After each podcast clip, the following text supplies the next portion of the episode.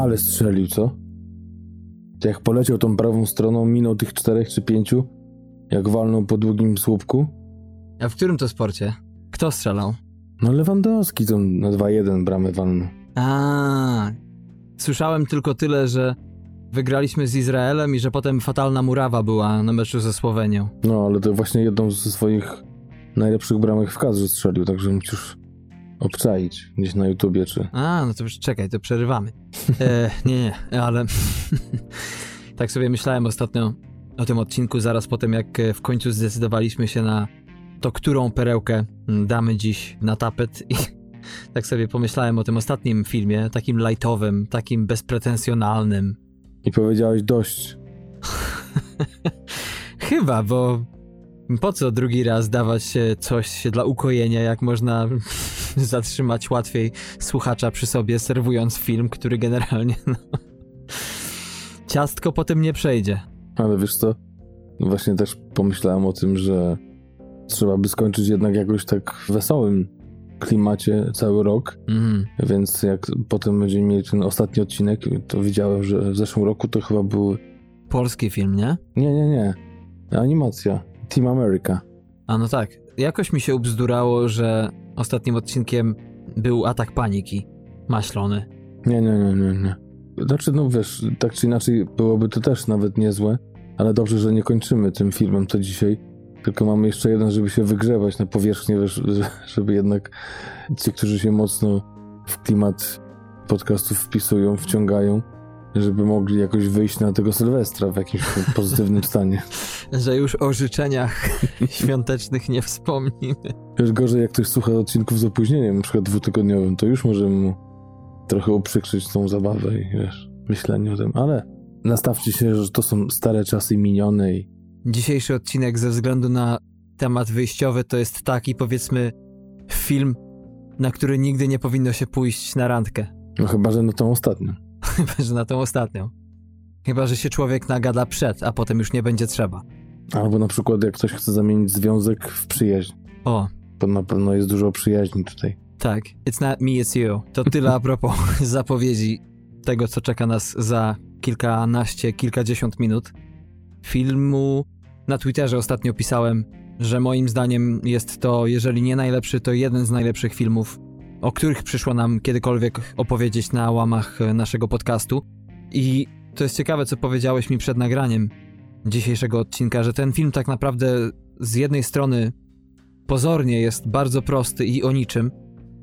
W zasadzie, no, taka klepana opowieść, można powiedzieć.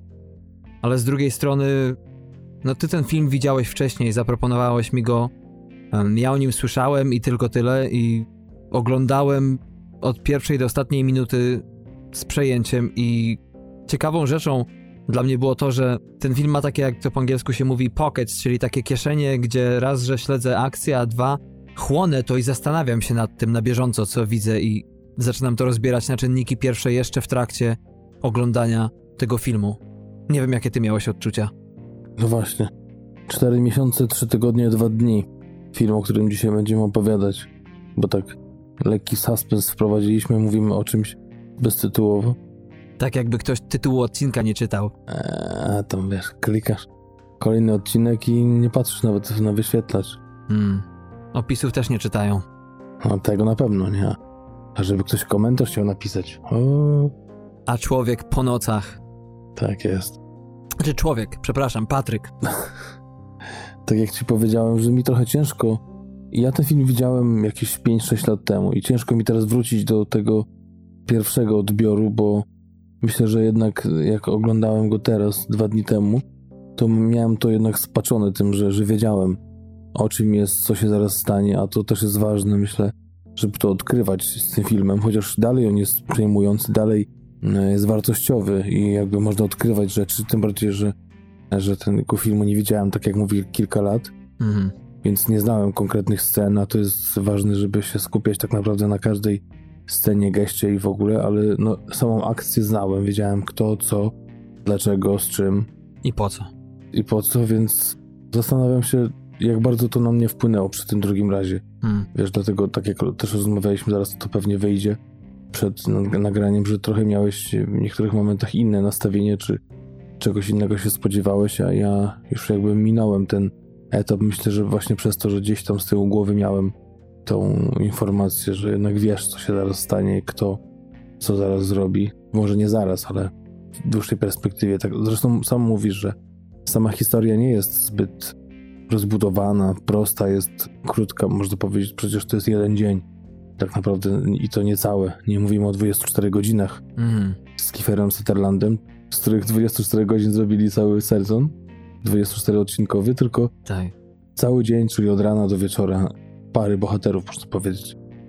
Ale można powiedzieć, że przez ten jeden dzień w tej komunistycznej Rumunii i nasiąkszy wszystkim tym, co ten film serwuje, od warstwy obrazowej, wizualizacyjnej, po oczywiście same clue akcji i stawki, o którą toczy się gra, chyba jest jeden z takich najlepszych przykładów, jak można jeden dzień, mimo że to jest tylko jeden dzień, ale mimo wszystko, jak można przedstawić nawet nie 24 godziny w zasadzie, bo nie zaczynamy od północy do północy, tylko z rana i kończymy wieczorem o, nie wiem, gdzieś tak pewnie 10, 11 może. Czy miałeś za drugim razem coś takiego, że już wiedząc mniej więcej, co się będzie działo, rozglądałeś się troszeczkę po ekranie, czy, czy jednak nie? Czy jednak próbowałeś to na nowo wchłonąć? Nie, nie. Pamiętałem też z tego pierwszego razu, że trzeba się mocno skupić i dużo właśnie jest ukryte w tych spojrzeniach, w mimice, więc tutaj się skupiałem. No tylko jakby ten zarys wiedziałem właśnie, tak jak mówię, co się po czym stanie, ale żeby rozgryźć na nowo i smakować e, te sceny, to jednak skupiałem się na przede wszystkim głównej bohaterce, bo też tak mówi o tym reżyser w wywiadzie, że mocno się zastanawia nad niektórymi scenami, szczególnie taka jedna ponoć kultowa imprezy rodzinnej u chłopaka głównej bohaterki, mhm. gdzie cała scena dzieje się przy stole na jednym ujęciu. Tak naprawdę kamera stoi w miejscu i tutaj mocno się zastanawiał reżyser, jak objąć całą ekipę, całą rodzinę i znajomych siedzącą przy stole.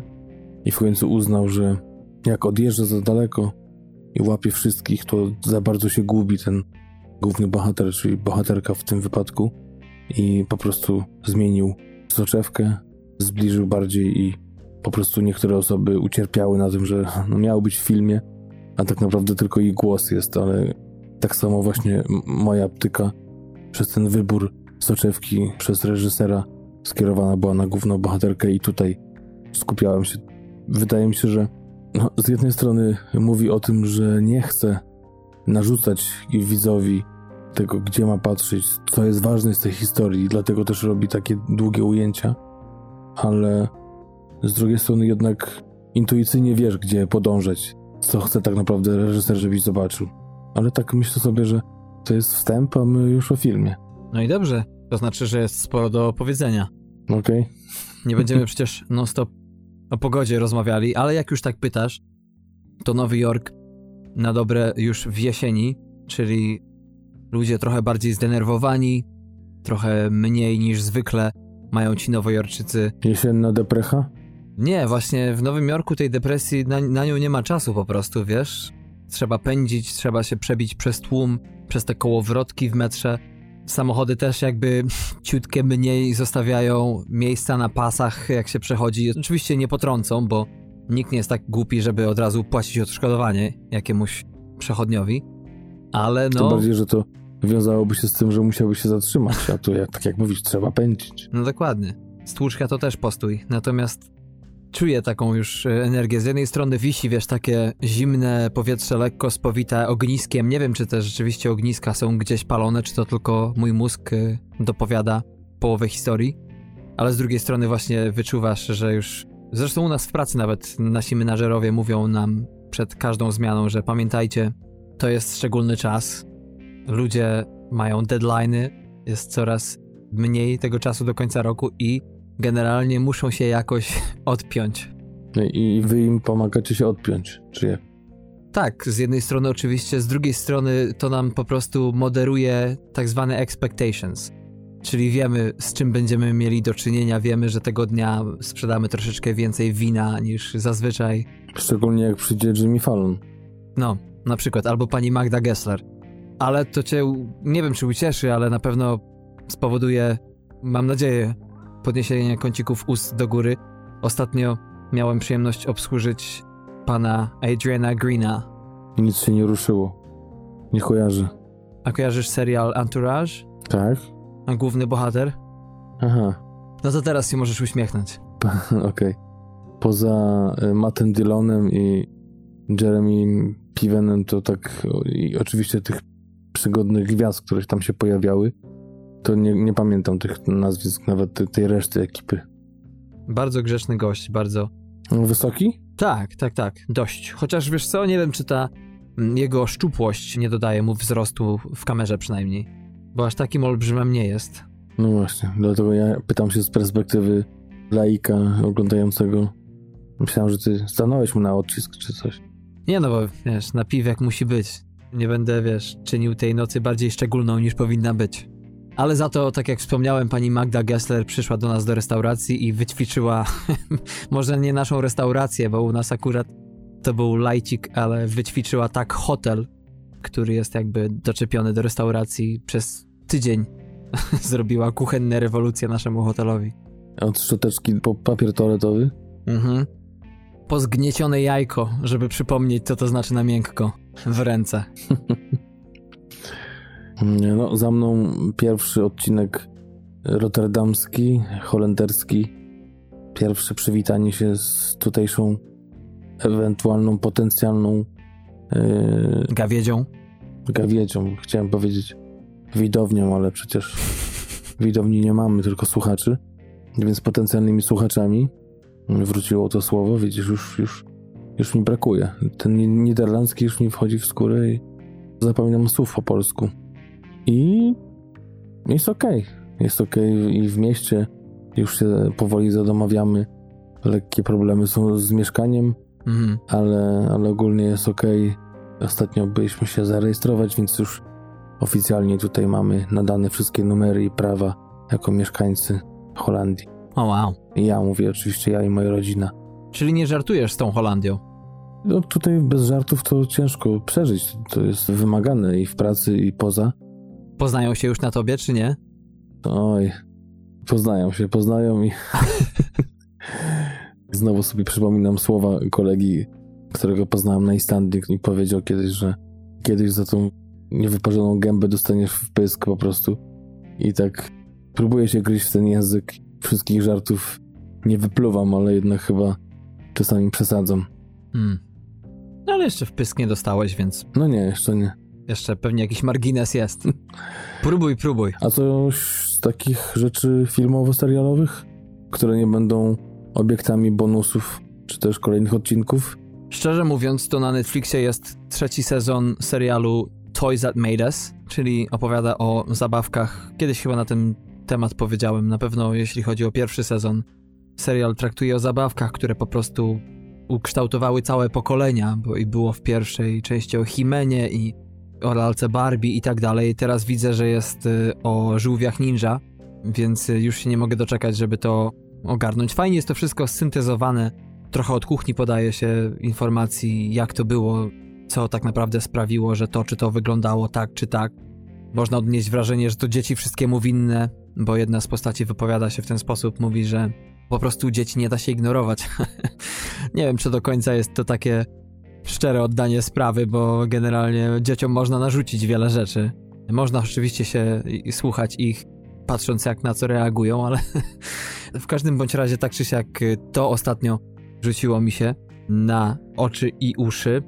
Mam kilka wizyt w kinie zaplanowanych teraz, więc nie wiem, czy ze wszystkiego będzie bonus. No dzisiaj wychodzi film, chociaż nie zdążę już chyba zrobić bonusa o nim, czyli Knives Out. Podobno najbardziej zabawowy film roku. Zobaczymy, jak e, pójdę do kina, mam nadzieję, w przyszłą środę. To może trafi się bonus, ale nie chcę obiecywać, bo generalnie no... Powzięliśmy, tak jak powiedziałem, w nagranym dwie godziny, w zasadzie trzy już teraz godziny przed tym odcinkiem moim bonusie, który już zakładam wszyscy słyszeli, to tam w tamtym odcinku przypominałem o tym, jak to sobie powzięliśmy teraz, że nasze stałe punkty, czyli pełne i pół odcinki wychodzą tak, jak mają wychodzić i da się zrobić bonus y, dodatkowy, ale nie wiem, czy wszystko da się zmieścić, żeby wyrobić się z terminami. A tak jak powiedziałem, rok się kończy, terminy naglą. więcej wina. Czyli ty gonisz tak samo jak ci nowojorczycy.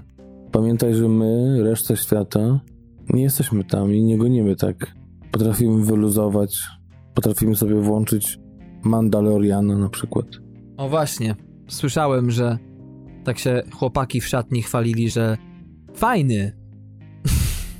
Co to ma znaczyć?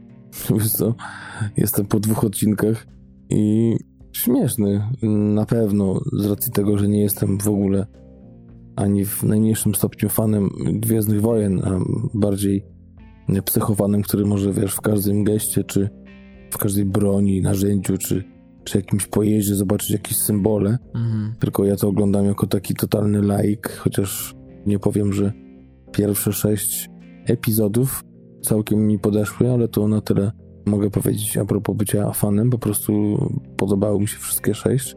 A tutaj nie wiem, co to jest. Wiem, że jest śmieszny Master Yoda mały, który wygląda jak trochę, znaczy no, wygląda jak Yoda, ale trochę mi się kojarzył z Gizmo, z Gremlinów. Tak, tak. Taki malutki, chociaż mówi chyba się, że ma 50 lat. w tej kołysce, którą główny bohater gdzieś tam prowadzi. I wiesz co, lekkie to się wydaje. Trochę jakby, no właśnie dla takiego lejka, mało takich rzeczy, które gdzieś tam mocno wciągają, ale przez to, że takie, no właśnie to jest może ta moc tego, że, że zapewne fani widzą mnóstwo tych symboli, odczytują i gdzieś tam zagłębiają się i są achy, ochy, jak to tam ukryli jakieś symbole, a dla mnie to jest taka prosta historia jakiegoś tam łowcy głów, który zmierza od jednej nagrody do drugiej i jakieś tam ma perypetie, które są bardziej lub mniej urocze, czasami zabawne, śmieszne i tak trochę, tak jakby się takiego Mad Maxa oglądało, wiesz, takiego zwariowanego trochę, tylko w masce. Mad Maxa z Gizmo z Gremlinów. Wyobrażasz sobie takie połączenie? no może to przez to, że generalnie serial jest na platformie Disneya, więc może to PG-13 jednak, a może to po prostu jest, wiesz, tak jak ostatnio mieliśmy The Boys, teraz mamy Watchmen. Nie widziałem, ale to też jest jedna z pozycji, którą chcę obczaić, czy ta rzecz jest wierna noweli graficznej co do Joty, czy jednak y, ujmuje to wszystko jakoś inaczej. A jesteś fanem? Nie określiłbym się jako fan, ale doceniam inność tego komiksu. Ale jakby znasz temat. Tak, tak, tak, więc muszę powiedzieć, ja w ogóle lubię takie, wiesz, rzeczy takie offowe typu albo właśnie Watchmen, albo Sin City. To mi się właśnie takie czarne, troszeczkę noirowe barwy. Bardzo mi się to podoba estetycznie, więc Watchmen przyciągnęli mnie w ogóle od pierwszej strony jakby. No ale właśnie chcę to zwiedzić i mi się wydaje, że może teraz coraz częściej zaczną właśnie powstawać dzieła, które... To jest zresztą ciekawe, że Gwiezdne Wojny, na przykład tutaj ciekawa historia powstaje, ale właśnie z jakby lekką inną optyką. I jeszcze chyba do tej pory nikt tego nie wymyślił. Może teraz Disney tchnie w to jakieś właśnie nowe życie, że możesz przecież mieć.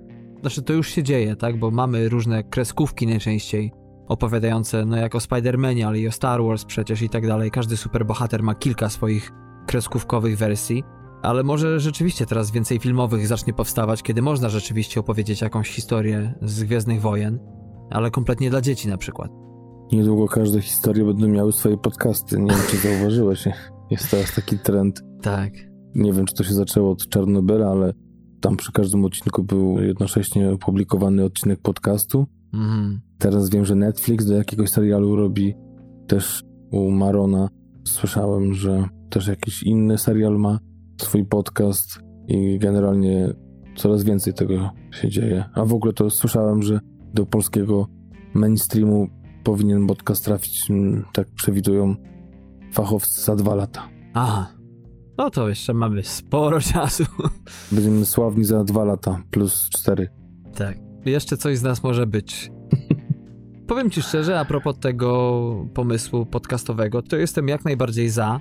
Ciekawe, że Game of Thrones, e, Gra o Tron nie zrobiła tego. Oczywiście mieli te takie wytłumaczenia odcinka, nie? Komentarz od autorski. No ale jednak nie mieli podcastu, a być może byłoby to dosyć fajne do powiedzenia wszystkiego. Może nie było o czym mówić. Wiesz co, ale to myślę, że to jest kwestia tego, że to się teraz pojawiło, wiesz, że gra o tron, no trochę dziwnie, wiadomo, że lepiej później niż wcale, ale przez tyle sezonów nic takiego nie było i nagle by zaczęli wrzucać hmm. podcasty, wiesz, na przykład z ostatnim sezonem, no trochę nie wiem, czy to by się tam spinało, wiesz, jak to potem wypuścić, że podcasty na ostatni sezon. Więc myślę, że to jest kwestia tego, że to medium się coraz bardziej przebija i tak samo w Stanach, jakkolwiek jest y, mocno znany, to bez porównania do Europy, to jednak, y, no widzisz, wchodzi coraz głębiej i to te ostatnie produkcje właśnie się opierają na tym, czy jakby to dodają. Oczywiście nie mówiąc już o tam przypadkach takich, że ze słuchowisk podcastowych robi się seriale takie jak Homecoming, ale i to idzie w tym kierunku, że, żeby takich produkcji też było coraz więcej. No tak, w każdym bądź razie to się zacznie zazębiać coraz bardziej. No i wyprze kiedyś to radio, rzeczywiście, chociaż chyba do końca nie wyprze radia, bo przecież aspekt na żywo, Oj, chyba że podcast będzie streamingował na żywo. no, streamingują niektórzy. No niektórzy tak. I to nawet w Polsce, więc i to bardzo, bardzo dużo takich podcastów jest. Nawet jak się słucha, to czasami jakiś słuchacz nagle się pojawia i wiesz, potem to jest z takiej streamingowej audycji robione MP3 i wrzucane. No ale to ciekawe, a może kiedyś nas podepną pod jakichś złotopolskich. No wiesz, jak będzie trzeba się kiedyś sprzedać, to Oby za tym szedł dobry czek, a powiemy wszystko. Dobrze, zostawmy Złotopolskich, przejedźmy się trochę może po premierach, zanim znowu wdepniemy w główny temat. Tych premier ciutkę jest ten teraz tydzień, który minął. Zeszły piątek, jak w ostatnim bonusie mówiłem, do polskich kin wszedł oczywiście Irlandczyk, weszła Kraina Lodu 2, wszedł film, o którym był bonus, czyli Le Mans 66. No i kilka innych jeszcze, więc widać, że chyba ten weekend zaczynający się w piątek 29 listopada będzie kontynuował dobre trendy, mimo już też jest kilka produkcji, które możemy jakby pominąć z szacunku dla wszystkich. Nie, no właśnie, tak jak dzisiaj zadałem ci pytanie a propos tych premier, bo teraz mamy te odcinki co dwa tygodnie, więc Mhm. trzeba by się zastanowić, czy opowiedzieć coś o tym, co działo się tydzień temu i co właśnie w ten nadchodzący weekend. Czy jest coś, o czym nie będzie bonusu Mhm. i z czegoś bonusa nie było, bo na przykład Lighthouse też się pojawia teraz. Tak. Irlandczyk to będzie prawdopodobnie mój bonus Mhm. i no, Knives Out odpada, więc to jest ta pozycja chyba, która będzie najciekawsza. No i dla dzieci oczywiście długo wyczekiwana, tak jak powiedziałeś, Kraina Lodu 2. Mhm. Chociaż nie wiem, czy dla dzieciaków, bo na przykład mi się bardzo podobał ten film. Może nie jest e, w czołówce moich ulubionych, ale to jest problem chyba z tymi produkcjami, że, że tak jak powiedziałem w ostatnim bonusie z początku tego tygodnia, że właśnie jedynka tak dobrze była oceniana, dwójka już troszeczkę niżej, bo tam w granicach 70 kilku procent jest na Rotten Tomatoes nadal i no tutaj jednak wydaje się, że typowo dzieciom podejdzie ten film, ale już dorosłych jakby zgubi, bardziej wymagających widzów. Nie wiem, bo widziałem taki nagłówek recenzji, że baśń dla dużych i małych dzieci. Aha, no czyli mnie ujęli. Jak ktoś lubi baśni, to mamy dwie dla was. Może odpuścimy sobie jak poślubić milionera, polską komedię romantyczną, bo na to wiadomo, że wiele osób pójdzie, ale mamy tu dwie baśni. Pierwsza to Last Christmas, czyli komedia romantyczna z Daenerys z gry o Tron, czyli Emilią Clark i Henrym Goldingiem w rolach głównych. Film nawiązujący tytułem do szlagieru sprzed wielu lat nieżyjącego już George'a Michaela. Wiadomo, takich filmów wcześniej nie było i jeszcze zapewne po dzisiejszym długo, długo nie będzie, więc y, oczywiście z przekąsem to mówię. Jak ktoś ma ochotę na komedię romantyczną i nie po polsku i nie kolejną część listów do M, no to na pewno jest to ten film ze stałymi amerykańskimi motywami typu renifery, typu właśnie inne różne stwory, które zawsze pojawiają się przy tej okazji. No i mamy jeszcze Solid Gold. Też bajka? Może niekoniecznie, ale zorientowani wiedzą, mniej zorientowani może nie, więc przypomnimy, że ten film jest oparty na kanwie historii z Amber Gold, czyli z grupą, piramidą finansową w Trójmieście. No i jak ktoś właśnie tęskni za klimatami Trójmiasta, tęskni za polityką, To chyba ty. za czym? Za klimatami Trójmiasta. Wiesz co, powiem ci szczerze, że raz, że tak, niepodważalnie, a dwa, że z tym filmem dzisiejszym związana była ogromna zadyma, jeśli chodzi o jego dystrybucję. Tam chyba też było coś, o ile dobrze pamiętam, że nie chcieli go puścić w Gdyni, że został wykluczony. Tu może konfabuluje, ale sporo było szumu. W końcu się ukazał film Jacka Bromskiego z oczywiście standardowymi nazwiskami w polskim kinie.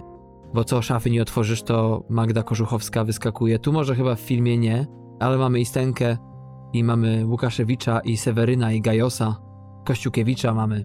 No nie, tam wiesz, tych postaci ostatnio pojawiło się trochę więcej, więc y, nie jest aż tak, że, że w każdym te same. Tak, nie masz Karolaka, nie masz Kota, nie masz Kuleszy. Ale jest Sławomir Orzechowski, jeszcze Artur Żmijewski, Ewa Kasprzyk, Andrzej Zieliński. Ja jeszcze dalej będę szukał. O, jest nasz Piotr Witkowski. to Piotrka pozdrawiamy. Oczywiście ostatnio też nam trochę zajęło, bo ja go nie skojarzyłem dopiero już po zmontowaniu odcinka. Piotr Witkowski, który oczywiście był ostatnio bohaterem, no zagrał główną rolę w filmie o polskim raperze pod tytułem Proceder. No i Piotr Witkowski, nie do poznania dzisiaj, to jest y, nasz znajomy Patryka i mój z teatru. Ostatnio w bonusie wspominałem o spektaklu Romeo i Julia, w którym z Patrykiem razem graliśmy i, i Piotrek tam y, odstawiał Romea w tym procederze, no to nie podszedłbym do niego tak łatwo, przynajmniej na ulicy, bez psa. No tak, y, zmienił się trochę jak Edward Norton w American History X. Także no faktycznie nie do poznania. Mhm. No w każdym razie Solid Gold, kochani, thriller polityczny, a jak nie to, to chyba właśnie już o Lighthouse może nie wspominamy, bo to jest piąty od końca odcinek, czyli bonus numer 20, który już jakiś czas temu popełniłem, więc tam was odsyłamy, bo to jest najbardziej oczekiwany film tego weekendu, ale Patryku, jakiś czas temu informowałeś na naszym Facebooku o najnowszym filmie Noły Baumbaka, czyli chłopaka Grety Gerwig, jednego z najgorętszych nazwisk reżyserskich teraz w Hollywood. Noah, czyli autor takich filmów jak Frances H., chociaż może nie wszystkim ten film podejdzie, opowieści o rodzinie Meyerowitz, które nam się podobały. Netflixowe. Zresztą tak. Ostatnio słuchałem wywiadu z Sandlerem, który powiedział, że od dawna rozmawiał wcześniej przed tym filmem z Stillerem o tym, żeby zagrali w jakimś filmie razem, może rodzeństwo i nagle się pojawił ten scenariusz i, i poszli w ciemno. I tak jak mówisz, obydwu nam podobał się film i, i naprawdę polecamy. Może zrobimy o tym odcinek, słuchaj. Mieliśmy zrobić przecież. A może wrócimy do tego? Może? Czemu nie? A pamiętasz taki film Stranger Than Fiction? Tak, to był nasz próbny odcinek, który nagraliśmy przed pierwszym de facto, jak jest na antenie. No, właśnie. no wracając do Nowej Bambaka, to jeszcze oczywiście tak naprawdę no nie zadebiutował, ale wypłynął na szersze wody świetnym filmem z 2004 roku Podwodne życie ze Stevenem Zissou. No i teraz powraca z dość ciekawym filmem, do którego były dwa trailery oficjalne, bo historia małżeńska, czyli Marriage Story, komediodramat, jest to film, który opowiada historię jakby z dwóch różnych perspektyw uczestników owego małżeństwa. To znaczy to bardziej te zwiastuny tak pokazywały. Tak, tak. Bardzo oryginalnie. Właśnie wypuszczone jakby dwa, można powiedzieć, inne filmy, które składają się na jeden. W tak oryginalny sposób właśnie poznajemy historię miłości, małżeństwa, które się rozpada, rozwodzi się, ale jednak ta miłość zostaje i postaci grane przez Adama Drivera i Scarlett Johansson walczą o to, żeby to uczucie jednak zostało, żeby, jak to powiedzieć, rozwieść się po ludzku i też w szacunku i w przyjaźni. Mhm.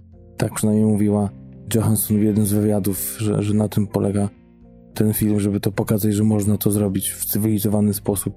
Po prostu jakieś niezrozumienie, jakieś różnice, które powodują, że nie, no, nie możemy być razem na co dzień, ale ale dlaczego zaraz się zabijać i walczyć na noży? Tak jest, tym bardziej, że ten film tak naprawdę opiera się na dwójce aktorów, czyli na Scarlett i na Adamie. Na nich spoczywa podobno ciężar emocjonalny tego filmu. Oprócz nich e, również występuje w tym filmie na przykład Merit Weaver czy Laura Dern, która podobno ma najlepszy, czy jeden z najlepszych monologów w całym filmie.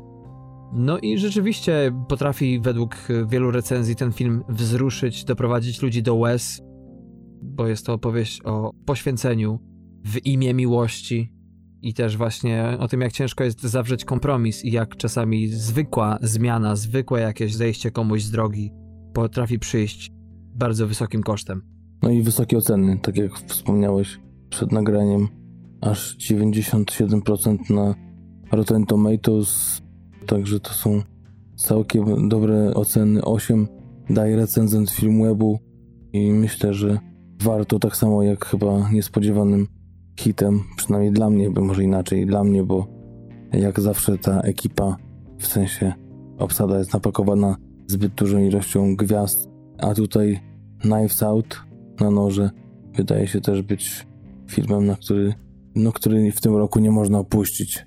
Na pewno nie będzie to Oscarowa żadna, chociaż kto wie, pozycja. Pójdziemy, zobaczymy. Tak, to jednak na kryminał, chociaż chyba z takim zacięciem komediowym, tak jak Darko powiedziałeś, że coś w stylu wczesnego Gaja Ritchiego, tak? No, tego z najlepszych lat, tak.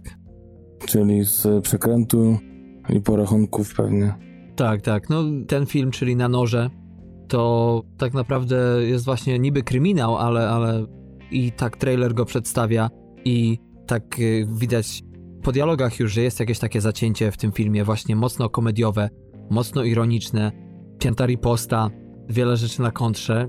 No i w dodatku w reżyserii nie byle kogo, bo Ryana Johnsona, a Ryan Johnson to wcale nie taka anonimowa postać, bo na przykład na jego koncie jest nie tylko taki film jak Looper, ale też i Gwiezdne Wojny, Ostatni Jedi sprzed dwóch lat, czy też Breaking Bad, przy którym może nie zaczynał, ale jakiś czas spędził. A to ciekawe a propos takich reżyserów, bo ostatnio, tak jak ci mówiłem, namiętnie słucham, nawet mówiłem to w odcinku ostatnio, Marka Marona i wywiadów z różnymi, przede wszystkim aktorsko-reżyserskimi gwiazdami i tam właśnie Lily Taylor niedawno była przesłuchiwana przez y, komika, który mówił o tym, że ona jest taką gwiazdą kina indie w Stanach Zjednoczonych lat 90.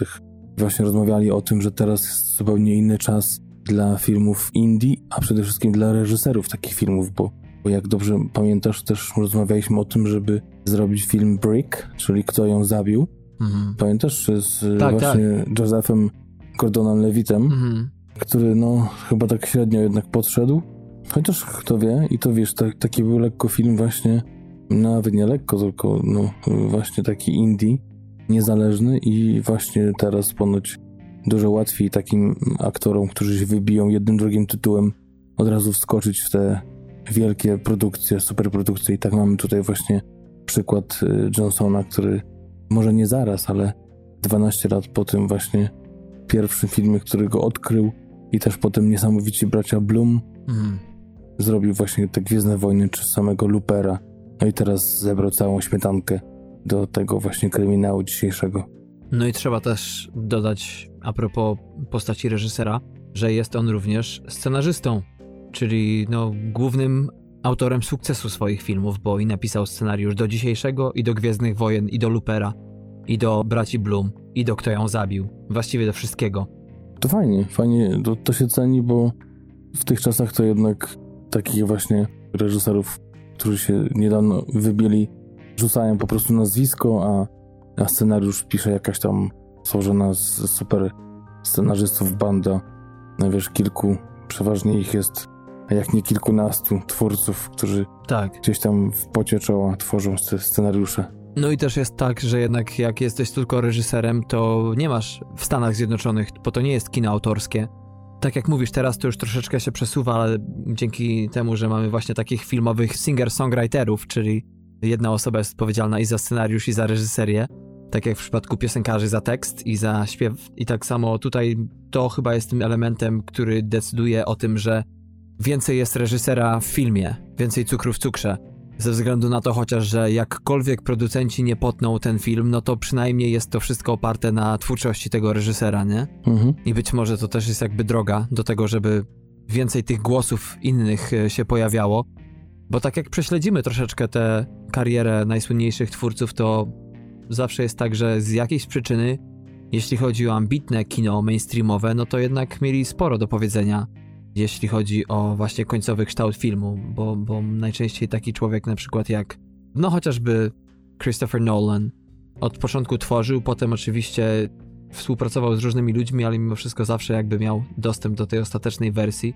I teraz widzę, że nowe pokolenie bardziej bierze materiał jakby w swojej ręce, czy też inaczej. Hollywood zaczyna wierzyć takim ludziom trochę bardziej, bo widzi w tym złotą żyłkę. Tak, i jeszcze może dwa słowa w ogóle o samym filmie, bo też ciekawe, że pojawi się tutaj James Bond, który niedługo wystąpi w ostatnim, chociaż kto wie, ile razy on zagra w ostatnim Bondzie, czyli Daniel Craig. On wciela się w postać detektywa, który próbuje rozwiązać zagadkę śmierci bogatego pisarza głowy bardzo ekscentrycznej rodziny. I tutaj mamy naprawdę niesamowitą ilość tych gwiazd.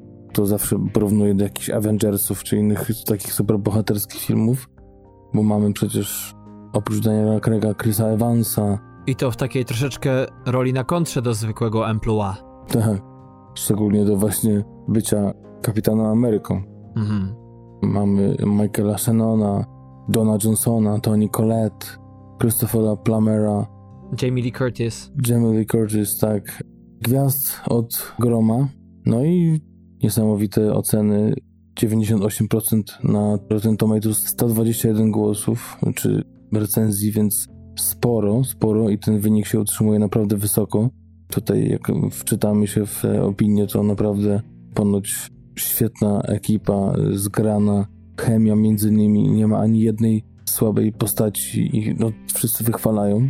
Zobaczymy jak to będzie, bo brakowało takiego filmu chyba typowo rozrywkowego, żeby nie było zbyt dużo CGI i żeby zbierało się więcej ludzi w ramach relaksu, odpoczynku i lekkiego odmurzenia, chociaż tutaj z racji tego, że to kryminał, więc pewnie będzie trochę główkowania, ale takiego zdrowego, bez jakiegoś zagłębiania się w psychikę, pewnie tak jak będzie to udziałem wszystkich widzów, którzy skuszą się na dzisiejszą perełkę, o której mówimy.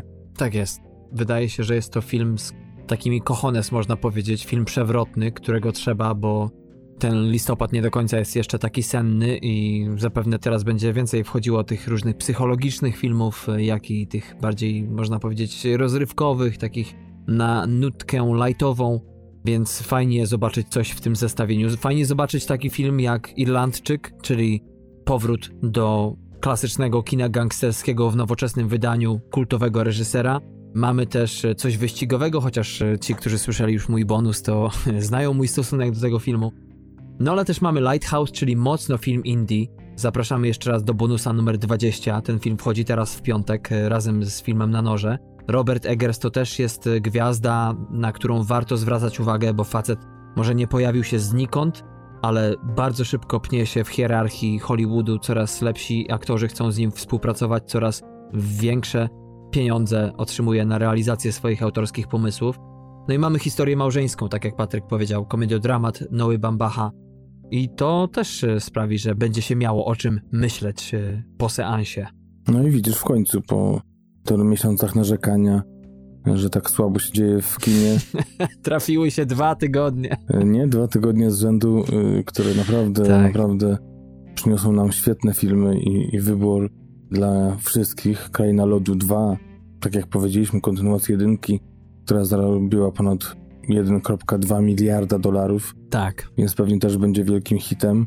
Właśnie ten Ford versus Ferrari zmieniony u nas na Le Mans 66, więc... E, to nawet nie tylko u nas, to w ogóle... Tak, tak, to przynajmniej w Europie, tak, taki jest oficjalny tytuł. Tak, tak. Irlandczyk i właśnie potem kolejny ten nadchodzący weekend Lighthouse na noże.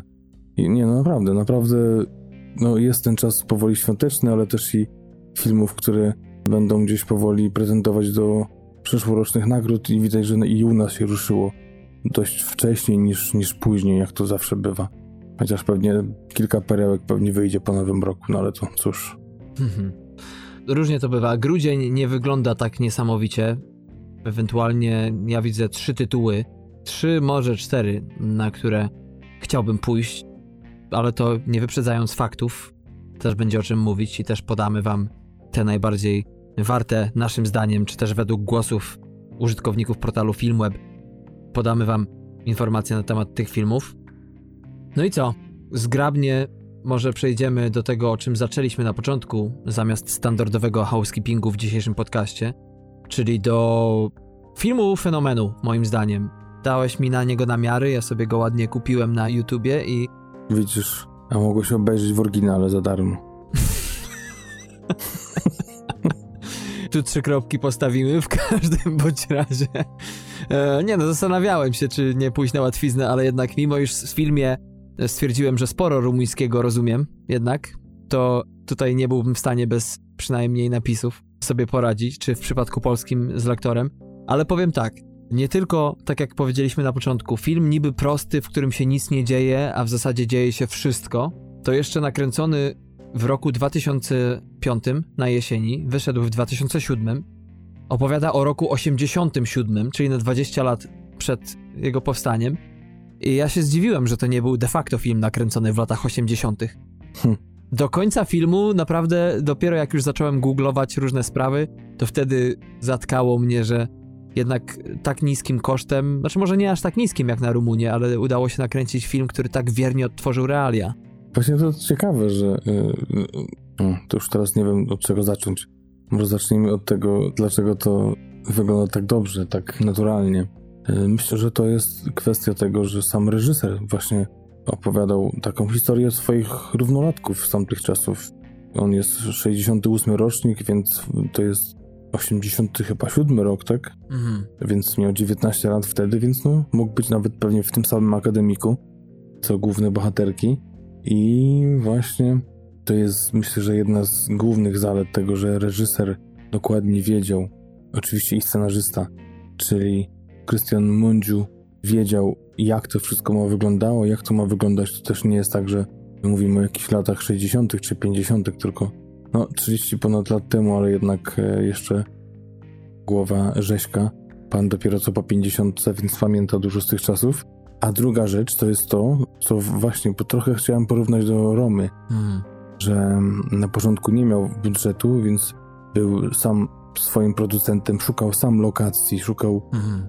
kostiumów, robił castingi, przeprowadzał jakieś spotkania organizujące i te lokacje, i te rekwizyty, więc zajmował się tak naprawdę wszystkim na samym początku, więc myślę, że to miało dużo wpływ na to, że to wygląda jak wygląda, że wygląda tak jakby w tamtych czasach było, tak jak myślę, że Roma też trochę wygląda jakby, no oprócz tego, że przypruszona tą otoczką biało-czarną nadaje temu filmowi jeszcze bardziej takiego realistycznego efektu tamtych lat, ale też Roma nie wygląda jakby była zrobiona, chociaż no, może ta jakość, ostrość obrazu wpływa na to, że jednak widzimy, że to musi być nowe coś. Mhm. Albo jak odrestaurowani krzyżacy z drugiej strony. No coś jest na rzeczy w tym porównaniu. A propos dzisiejszego filmu, to chyba to, co jest jego największym plusem, czy to, co czyni go bardzo realistycznym, to jego naturalistyczny styl. Nie tylko kamery, ale przede wszystkim gry aktorskiej. Zanim do tego wszystkiego dojdziemy, to może lekka geneza tego wszystkiego i o czym ten film jest, zanim się rozpędzimy na dobre, jak zwykle. Jak wspomniałem, rok 87, ostatnie lata reżimu Nicolao Ceausescu, słynnego dyktatora Rumunii, który odszedł dwa lata później.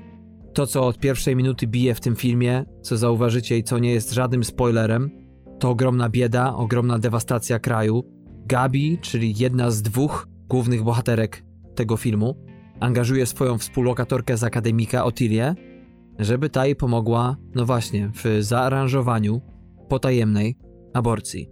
No tak, i nie rozwijając zbytnio fabuły, warto chyba tylko przytoczyć to, że, że obserwujemy właśnie te główne bohaterki, no tą przyjaciółkę bardziej niż tą zainteresowaną tym zabiegiem, tak, który ma zostać wykonany i obserwujemy ich relacje, ich życie. Oprócz tego, co dzieje się między nimi, to też jak wyglądają ich życia poza tą relacją wspólną i na tym się osadza cały film. I tak jak powiedzieliśmy już wcześniej, to jest tak naprawdę jeden dzień z ich życia, od rana do wieczora. Tak jest. To, co czyni tę stawkę, o którą się rozgrywa gra, ogromną, to przede wszystkim właśnie realia społeczno-polityczne, które zostały odtworzone w tym filmie, bo raz, że w tamtych latach kary za nielegalną aborcję w Rumunii były ogromne, ale co ciekawe, podobno tak wyczytałem, wcale nie chodziło tam o jakieś względy religijne, tylko w ogóle o jakby taką komunistyczną filozofię życia, że trzeba zaludnić kraj.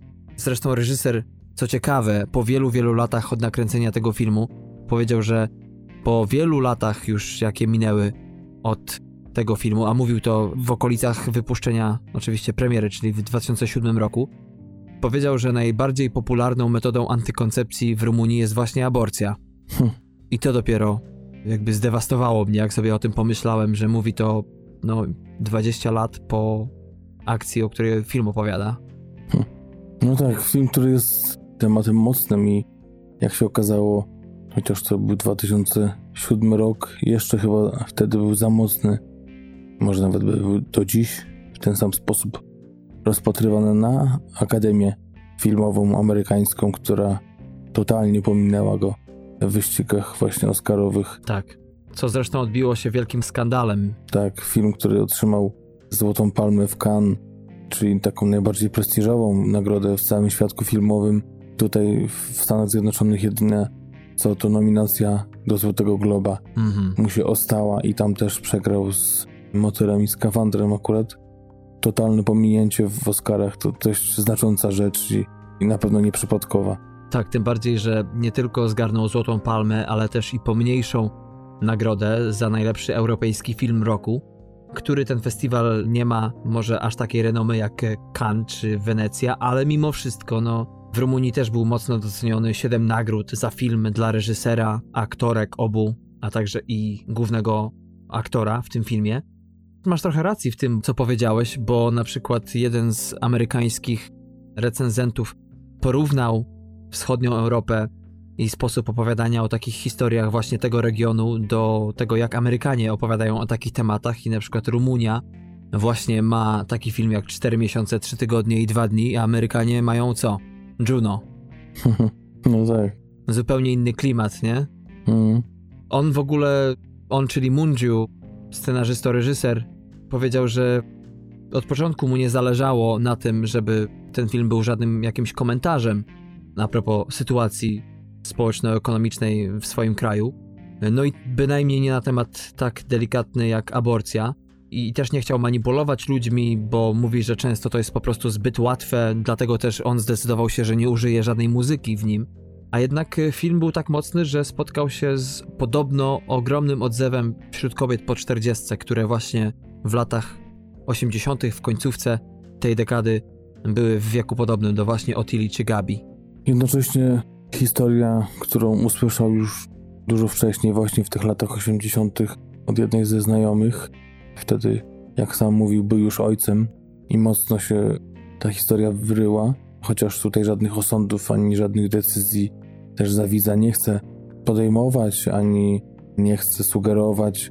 Tak jak mówisz, nie chciał używać muzyki, ale też bardzo ciekawe są te z nim wywiady, w których na przykład mówi o tym, że też jak najmniej montażu, bardzo dużo tych tak zwanych długich ujęć, które też skupiają uwagę widza na całej ciągłości akcji, a nie tylko właśnie przykładowo w dialogach przeskakując z jednej twarzy na drugą, bo tu uważa, że w takim wypadku ucinamy, pokazujemy, sugerujemy, gdzie ma patrzeć widz, a on woli takie większe ujęcie, taki master shot, gdzie po prostu obserwujemy każde, nawet lekkie zawahanie głównego bohatera, czy jakieś przyruchy, które dzieją się pomiędzy, czy to kwestiami, czy jakimiś ważnymi mhm. momentami dla akcji. I że jakby nie chcę sugerować tutaj widzowi, co jest ważne w danej sytuacji, co jest ważne w danej scenie, tylko że on może sobie sam wybrać i stąd właśnie jak najmniej tego cięcia, co mówi, że jest takim właśnie wyrzodem Hollywood, który musi pokazywać tylko to, co jest precyzyjne, daje nam informacje, pcha akcję do przodu, nie ma czasu na wydźwięk nawet pojedynczego słowa, gestu, sytuacji. No, strasznie takie swoje takie ma podejście i takie mocno utwierdzony jest w tych swoich opiniach na temat tego, jak powinien dany film wyglądać i no, nie, nie się z tym kinem, przede wszystkim amerykańskim. A propos tego właśnie, czym różni się jego film od innych, ale mhm. jednak taka trochę pycha przez niego przemawia, w czym jest lepszy. No, mhm. no fakt. E, nie powiem, że geniusz, ale rzeczywiście niesamowicie zdolny twórca. Lubi czasami mieć tą troszeczkę ciemniejszą stronę. Jak Edward Norton na przykład, a propos jego wywiadu, który słuchałeś e, u Marona. tak, tak. A propos jego najnowszego filmu, o którym e, jeszcze będzie na naszej antenie. Natomiast tak, z jednej strony Munju daje tą otwartość, z drugiej strony bardzo dba o detale, czyli robi wszystko żeby pomóc widzowi wczuć się lepiej w klimat, bo nie tylko odtwarza świetnie rekwizyty, wnętrza, czy też oczywiście plener, ale, tak jak wspomniałeś wcześniej, decydując się na mastershoty, jednocześnie nie boi się ustawić swoich bohaterów, czy kilku bohaterów za kamery.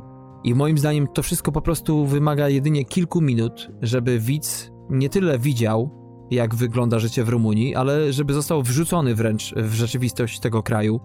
Tak jak powiedziałem, z jednej strony ma, przynajmniej ja osobiście miałem właśnie poczucie takiego, takiej tyranii wiszącej w powietrzu, takiego reżimu, który zdewastował ten kraj, jak mało który, co jest zresztą rzeczą taką symptomatyczną a propos tamtego rejonu.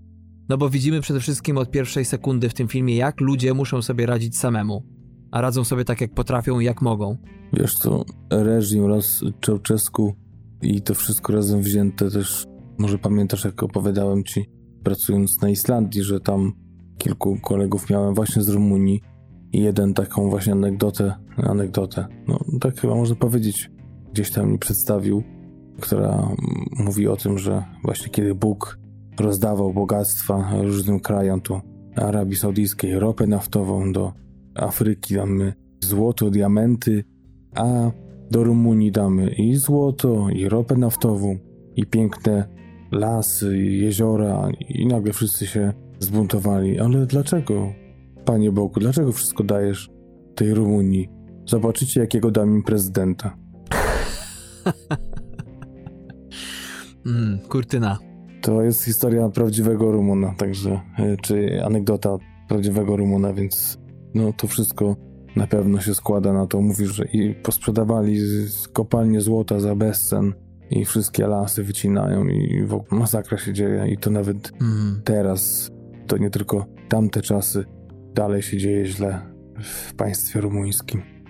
Tak. Jeszcze jak byłem na studiach w Connecticut, to... Ty czasami nie byłeś na weselu w Rumunii? Nie, to było w Serbii. Aha. W każdym bądź razie właśnie znajoma z Rumunii studiowała na Wydziale Lalkarskim tam na moim uniwersytecie, więc sporo czasu spędziliśmy ze sobą na różnych zajęciach czy na próbach i w lecie lubiliśmy sobie gdzieś pojechać na wycieczkę do jakiegoś teatru, obejrzeć spektakl, no to w trakcie podróży samochodem sporo mi opowiadała o Rumunii i rzeczywiście przynajmniej z jej opowieści, a wątpię, przynajmniej na tyle na ile ją znam czy znałem, to jakby nie nie grzeszyła konfabulacją, nadmiernym dopowiadaniem różnych rzeczy, że rzeczywiście nie ma wielkiej zmiany, nawet jeszcze w 2014 czy 2015 roku, w porównaniu do 87, że też te psy bezpańskie wszędzie chodzą, że jest z tym wielki problem właśnie. Podobnie było w Rumunii, jak ten film, który nam pokazuje, bo przecież od razu mamy raz, że kapitalizm nie jest oficjalnie oferowany, więc ludzie go sobie tworzą kanałami. Dwa, Wszędzie są długie, ciemne korytarze, wszystko spowite betonem, w cieniu, totalny komunał. Każdy pomaga drugiemu. No, chciałoby się powiedzieć, każdy z drugim handluje i tym sobie pomagając. No i kamera jako uczestnik wydarzeń wrzuca nas w to. Ja przynajmniej od początku, zanim, bo temat aborcji może nie będę za wiele zdradzał, ale pojawia się ciutkę w tym filmie w jakimś tam dalszym miejscu. I zanim ta aborcja jeszcze stała się jakby jednym no, tematem głównym tego filmu, to już ciężko mi oddychać było, patrząc na to, jak sobie ludzie ze wszystkim muszą się zmagać. No właśnie to też o tym mówiliśmy przed nagraniem, że ciężko mi wrócić do tego pierwszego razu kilka lat temu, gdyż tutaj od razu no, wiedziałem, co się święci, wiedziałem, jak to się będzie rozwijać, więc no i ten tytuł też mi dużo sugerował, hmm. ale ale no tak jak mówisz, no nawet bez tego kontekstu, bez tego, zresztą sam reżyser mówi o tym, że to tak naprawdę nie jest o aborcji, to jest o właśnie relacjach, o tych różnicach społecznych, o przyjaźni, o właśnie tych mrocznych czasach, tych najmroczniejszych w nowożytnej historii Rumunii. Więc y, no ta aborcja jest też trochę takim zaczynem, tak jak ostatnio mieliśmy. Dziękujemy za palenie i ten nauk, czy te papierosy też były takim tylko zaczynem do rozmowy. Tak samo tutaj aborcja to też jest kwestia wolności, wyborów, tak, przekonań, więc to dużo szerszy kontekst można wyłapać naprawdę bardzo prostej historii, która, tak jak też napisałem, jeśli się nie skupi dokładnie na tych relacjach, na tych rozmowach, to jest trochę film nie tyle o niczym, co po prostu słaby. Bez niczego, bez kontekstu, jakiś dziwny rozmowy o niczym, tak? Jakaś relacja, Mhm. spotkania gdzieś w dziwnych miejscach i kończy się jakby się nie skończył. Tak myślę, że laik mógłby powiedzieć po projekcji.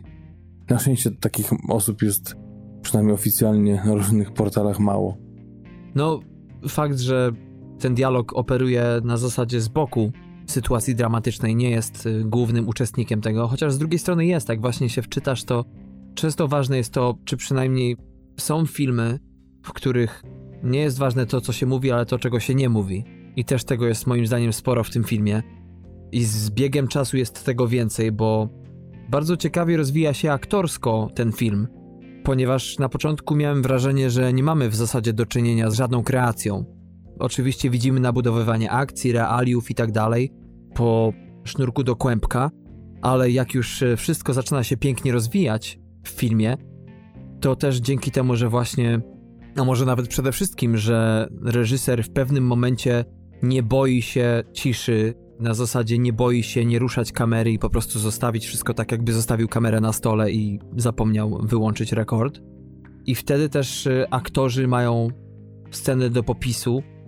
I w zasadzie poza może Gabi, tak mi się wydawało, że Gabi może ma najmniej, chociaż też ma ważne w tym filmie sceny i to, co wygrywa aktorka grająca Gabi, czyli Laura Wasiliu, jest świetne, ale przede wszystkim mamy tutaj Otilię, czyli tą przyjaciółkę z akademika, Anna Marię Marinkę i Vlada Iwanowa jako pan Bebe, o ironio, jeśli chodzi o nazwisko.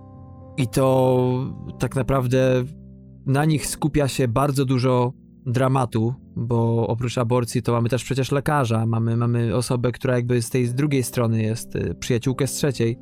I jakby mam wrażenie, że świetnie reżyser wykorzystał właśnie, rozłożył środek ciężkości w tym filmie i mamy kilka historii w nim zawartych. No właśnie, taką oddzielną etiudą, tak naprawdę filmem, moim zdaniem nawet krótkometrażowym mogła być sama ta scena obiadu, tak? Gdzie właśnie Mhm.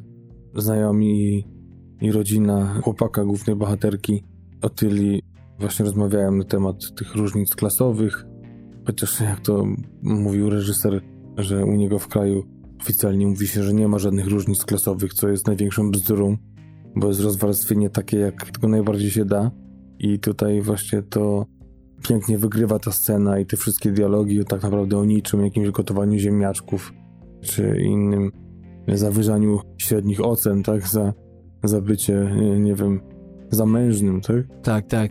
Więc gdzieś tam jakieś takie wpływanie polityki na jakieś studia, na, na, na oceny, no to jak taka osoba powinna się gdzieś tam zapatrywać też stosunek kobiety do rodziny, stosunek, czy bardziej pozycja kobiety w rodzinie, w ogóle w społeczeństwie. Wszystko jest pięknie w tych chyba 10 minutach wygrane i cały czas ta kamera, tak jak mówiliśmy na- we wstępie, patrzy na tą bohaterkę i gdzieś tam po bokach kolejni komentatorzy sytuacji wypowiadają się. Jednych widać, jednych nie, ale wszystko to spina się ładnie w tą całą historię, która, tak jak mówię, mogłaby być oddzielnym, krótkometrażowym filmem. No tak, ta scena ma fenomenalną dynamikę, bo nie dość, że ma świetne, bardzo, nie wiem czy improwizowane, ale bardzo szczere aktorstwo i każdy tam, każda postać tak naprawdę, którą widzimy w kadrze, żyje swoim życiem i też co ciekawe, oczywiście mamy to, co jest mówione, czyli jest, wiesz, ten wujek, jakiego ma każda rodzina, który zawsze, wiesz, ma troszeczkę niewyparzony język i coś tam powie, nie? Jest ktoś tam jeszcze, jest y, matka Polka, można powiedzieć, czyli no, pani domu, która tam wszystkim chce dogodzić i tam, no chodźcie, chodźcie, ale z, i z drugiej strony też te postaci są bardzo zróżnicowane. To jest w ogóle wielkim smaczkiem, jeśli chodzi o tą scenę, że jesteś w stanie więcej ogarnąć, więcej jakby nasiąknąć tą sceną niż tylko, wiesz, na jednym poziomie, bo mimo wszystko to są jednak ludzie no, zwykli, dobrzy, dobrzy i źli, nie? Którzy, jeżeli mówią o czymś, wypowiadają się o prostych ludziach i mówią o nich, że a, tacy to mają lepiej, bo proste myślenie jest po prostu mniej skomplikowane jest lepsze, też nie ma w tym krzty mimo wszystko żadnego, tak mi się przynajmniej wydawało, żadnej oceny. No właśnie to jest, wiesz, to jest tak samo jak z tym słynnym już cytatem z właściciela Interu Mediolan, tak a propos tego, że u niego w drużynie gra czarnoskóry zawodnik, tak, i, i który świetnie sobie radzi, jest, duży i nie da się powalić i dla niego to, ja- jak mocno to musi być zakorzenione w kulturze staroeuropejskiej. Nie wiem, czy to tylko chodzi o Włochów, żeby powiedzieć takie zdanie, że żeby mhm. powalić naszego Lukaku na kolano, to trzeba mu rzucić przynajmniej pięć bananów, tak? I tutaj w tym filmie z kolei wybrzmiewa właśnie takie uznanie dla klasy niższej, ale jednocześnie powiedzenie, że to jest klasa niższa, jest e, gorsza, ale nie zawsze jest najgorsza, bo czasami są jakieś, e, wiesz, wyjątki na przykład, tak? I tutaj też widać po twarzy bohaterki, że, że jest mocno zażenowana tym tekstem akurat i poruszona tym.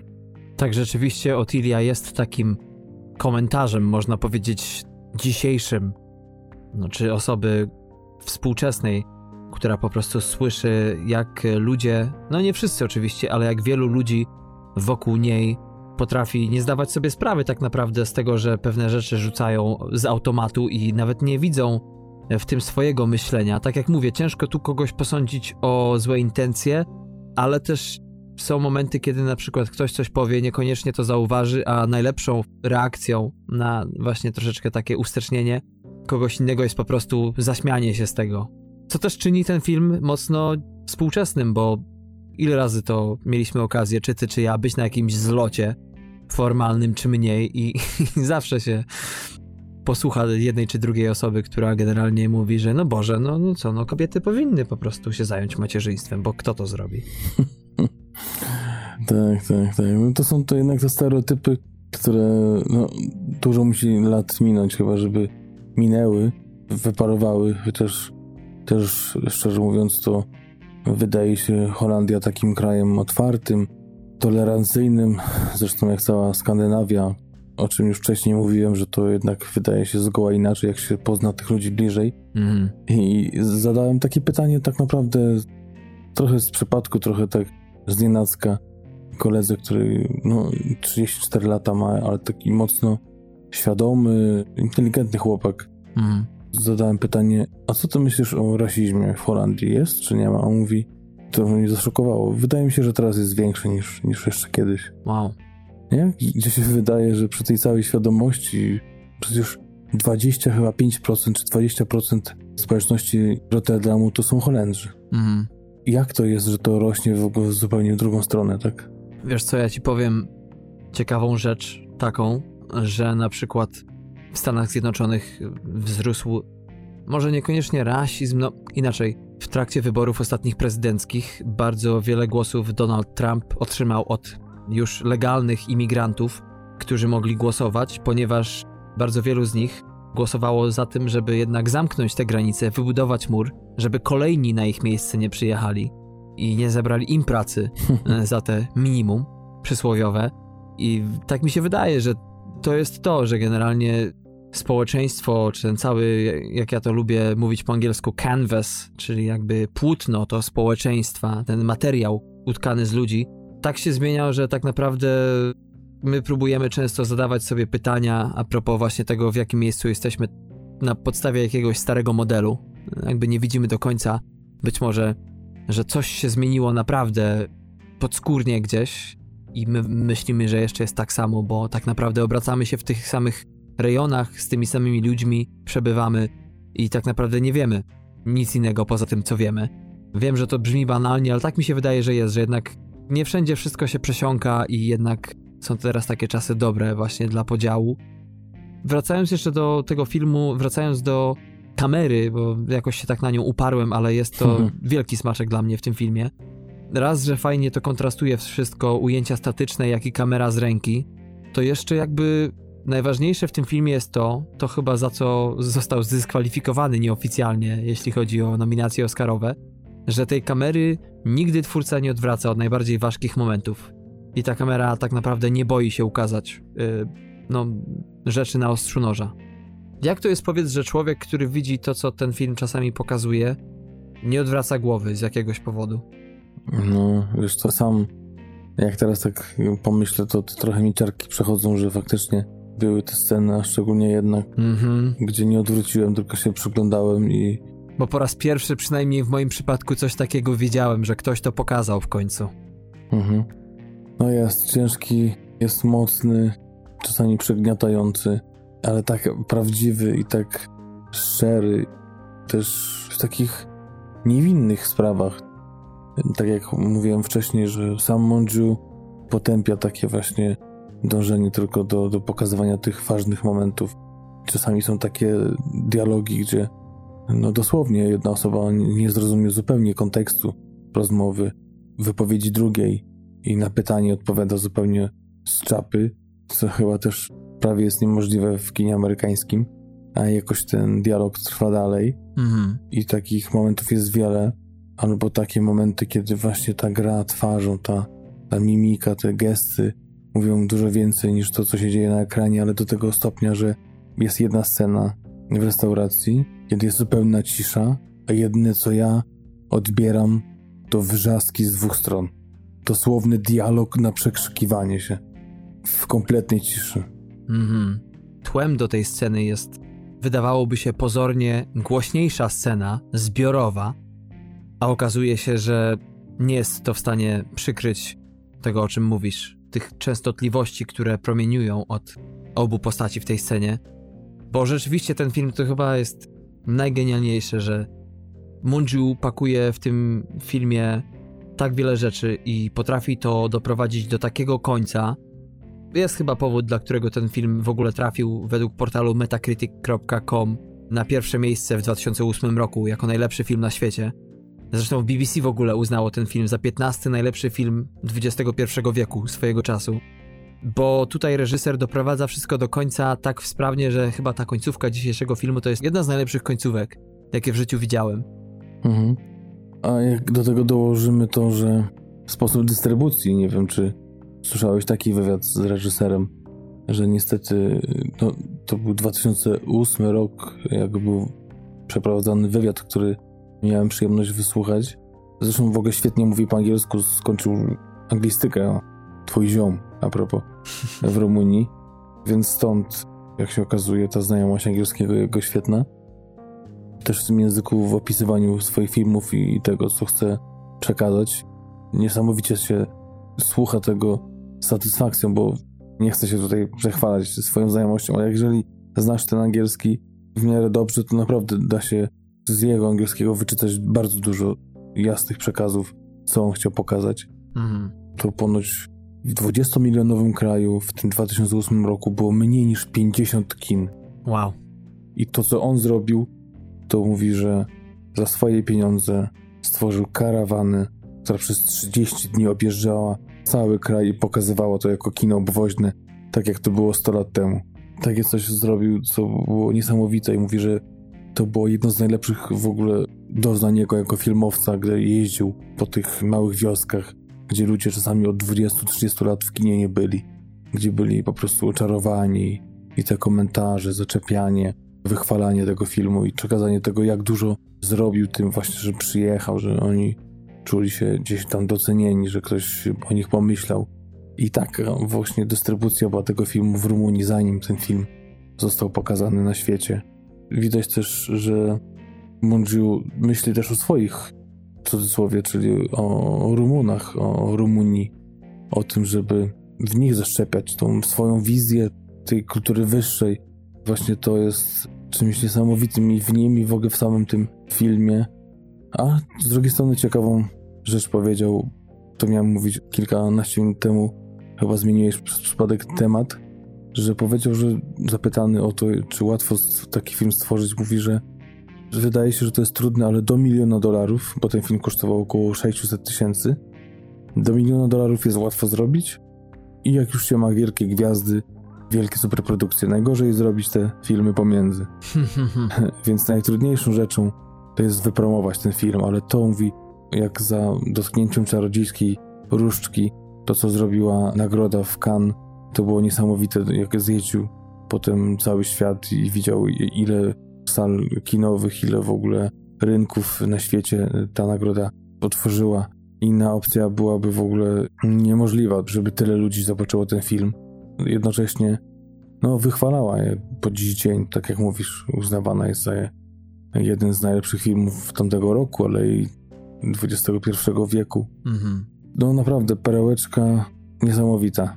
A to ważne, żeby promować zwłaszcza mało znane kraje, bo Rumunia nie jest takim do końca anonimowym krajem na mapie filmowej, ale mimo wszystko mało o tym kraju wiemy, a dzisiejszy film nie jest pierwszym filmem, który pokazuje, że naprawdę ten kraj ma nie tylko talenty czystej wody, jeśli chodzi o reżyserów, ale przede wszystkim aktorów. Byłem tak mocno już znowu nawiązuję do tego aktorstwa pod wrażeniem trójki głównych bohaterów i to raz, że jak zostali zestawieni przez twórcę, ale jak to potrafili odegrać, jak zróżnicowanie, bo Gabi, czyli kobieta w potrzebie aborcji, jest dość, można powiedzieć, infantylna, zagubiona, na pewno najmniej odpowiedzialna, chociaż to też jest ciekawa rzecz, temat odpowiedzialności w tym filmie, co to znaczy w ogóle być człowiekiem odpowiedzialnym.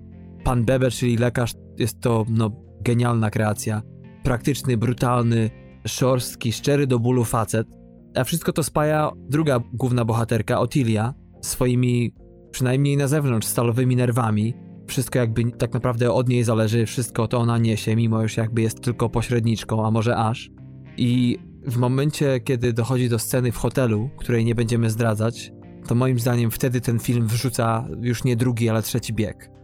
No tak, takich sytuacji przełomowych i, i znaczących i w ogóle kultowych, o których się będzie mówiło w związku z tym filmem będzie pewnie mnóstwo i ta scena na pewno taka będzie. Ale też warto wspomnieć o, myślę, że innych produkcjach, bo to jest jego drugi film pełnometrażowy. Mówimy oczywiście o reżyserze. Wcześniej w 2002 roku powstał film Zachód, który zresztą też był nominowany do nagród na festiwalu w Cannes. Generalnie no, zbyt wielu tych filmów nie zrobił. Po dzisiejszym filmie, czyli po 4 miesiące, 3 tygodnie i 2 dni powstały trzy filmy. Zresztą sam mówi, że zbyt wielu filmów nie kręci, bo jednak to jest długi u niego proces i, i ten wybór musi być mocno świadomy z racji tego, że on właśnie stawia na te historie prawdziwe. Zresztą sam porównuje, że prawdziwe historie to nie są wcale prawdziwe o prawdziwym życiu. To nie jest to samo, co w historii na faktach. To, czym teraz stoi Hollywood, historie na faktach, a tak naprawdę mówi gniot za gniotem, bo co to znaczy? To, to jakby to wyświechtany tekst i o niczym nie mówi. Trzeba podać tą historię odpowiednio, kiedy trzeba ją nakręcić odpowiednio. I nawet fikcyjna historia, jeżeli dobrze się ją przedstawi w taki sposób, że widz w nią uwierzy, to to jest dopiero jakiś Monteverest zabrania całej uwagi widza i tego, żeby on się tą historią zachwycił, a nie po prostu, wiesz, etykietka. To prawda, no wspominając jeszcze reżysera, to trzeba przyznać, że to wcale ten pan, mimo już tak rzadko kręci filmy, no to całkiem nieźle się ma, bo, bo nie tylko tym filmem otrzymał Złotą Palmę, ale także potem był taki film z 2012 roku, jak y, Za Wzgórzami, który to także zgarnął całkiem pokaźne nagrody, bo nie tylko za scenariusz, ale także i aktorka w tym filmie otrzymała Złotą Palmę. No i jeszcze potem jego ostatni film, czyli Egzamin, tam Christian Mungiu otrzymał nagrodę dla najlepszego reżysera. Tak, w 2013 roku w ogóle zasiadał w jury tego festiwalu, zresztą to też pozwól, że, że przytoczę taki ciekawy wywiad a propos takich filmików na YouTubie, gdzie znani twórcy filmowi zostają wrzuceni w takie biblioteczki z filmami i mogą sobie wybrać swoje ulubione tytuły. I tak właśnie bardzo ciekawe wybierał właśnie nasz dzisiejszy bohater, czyli reżyser filmu. I tak na pierwszy rzut właśnie wziął film Dzisiejsze Czasy Charlie'ego Chaplina z 1936 roku. Mm. Oczywiście kultowy film, który pokazuje dzieciom swoim, pokazywał zanim zaczęły, powiedział Chciałem, żeby zobaczyły ten film zanim zaczęły oglądać wszystkie te amerykańskie kreskówki, żeby zobaczyły, czym jest tak naprawdę dobry film. Na drugim miejscu stawia Dekalog. Brawo, Jasiu. Prawda? Który zresztą powiedział, że spowodował to, że poszedł w ogóle na studia, ta, y, na studia filmowe. Chciałem powiedzieć teologiczne. no, mogłoby tak być. Złodzieje rowerów. Mhm. Też kultowy film, oczywiście. Tak, kultowy włoski włoski realizm tak, tak. też mówi o tym, że mocno wpłynął na niego. A jeszcze wracając do dekalogu, to też ciekawy komentarz dał, że to były czasy, kiedy Rumunii nie było stać na zakup filmów, więc wymieniały się filmami, różne kraje e, właśnie komunistyczne i tak właśnie ten dekalog poszedł w zamian za jakiś rumuński tytuł. A dwie ostatnie pozycje to Śmiertelnie Proste, Blood Simple, braci Coenów i powiedział, że zawsze ich uwielbiał, a w 2013 zasiadał w jury festiwalu, które właśnie oceniało ich film i takie mówi klamrę sobie, klamrą sobie spiął tą historię. Sobie zadecydował. Tak. I jeszcze Easy Rider z tenisem Hopperem też mówi, że to też jeden z jego ulubionych filmów, a tym bardziej, że po latach spotkał się z Hopperem, zresztą pojechał do niego i przez dwa miesiące pracowali nad jakimś scenariuszem, bo ten chciał oprzeć jakąś, jakiś scenariusz na, na podstawie właśnie tych lat komunistycznych w jakimś kraju i polecono mu właśnie dzisiejszego reżysera i tak właśnie doszło do ich spotkania i współpracy. Przez to też tego Easy Ridera sobie uwielbił na lata. Mhm. Także no, to są takie filmy, które no, z jednej strony go trochę inspirowały, bo bardziej były ulubionymi pozycjami, bo sam też bardzo odważna, myślę, teza. Dlaczego film ma mnie inspirować? Historie mnie inspirują. Życie, a nie filmy. Także coś takim otwarte zasady i opinie, wyrażane zresztą e, mocno dyktatorsko, czy jakby to nazwać, zabrzmiał w momencie, kiedy mówi, że nie lubię, jak aktor bierze scenę, czyta i mówi, dlaczego ja mam to powiedzieć? Mówi, przecież ja nad tym siedziałem pół roku. Mhm. I nie lubi, jak mi aktor zadaje takie pytania. Ma tak zrobić i już. I ma rację, akurat w tym przypadku pan dyktator ma rację, bo de facto to jest yy, nieważne, co aktor myśli o tym. Fakt, że jeżeli jest naprawdę coś mocno kontrastującego, głupiego, no to jasne, ale trzeba się słuchać i tyle. No widać, pan Mundziu lubi się nie zgadzać, lubi mieć tak mocne opinie, jak mocne robi filmy. Nie mówię, że nie ma racji, ale też nie wiem, czy ja bym się tak spinał jak on, chociaż w ostatnim bonusie się spiąłem na koniec, ale to już na swoich, na krytyków, a nie na widzów.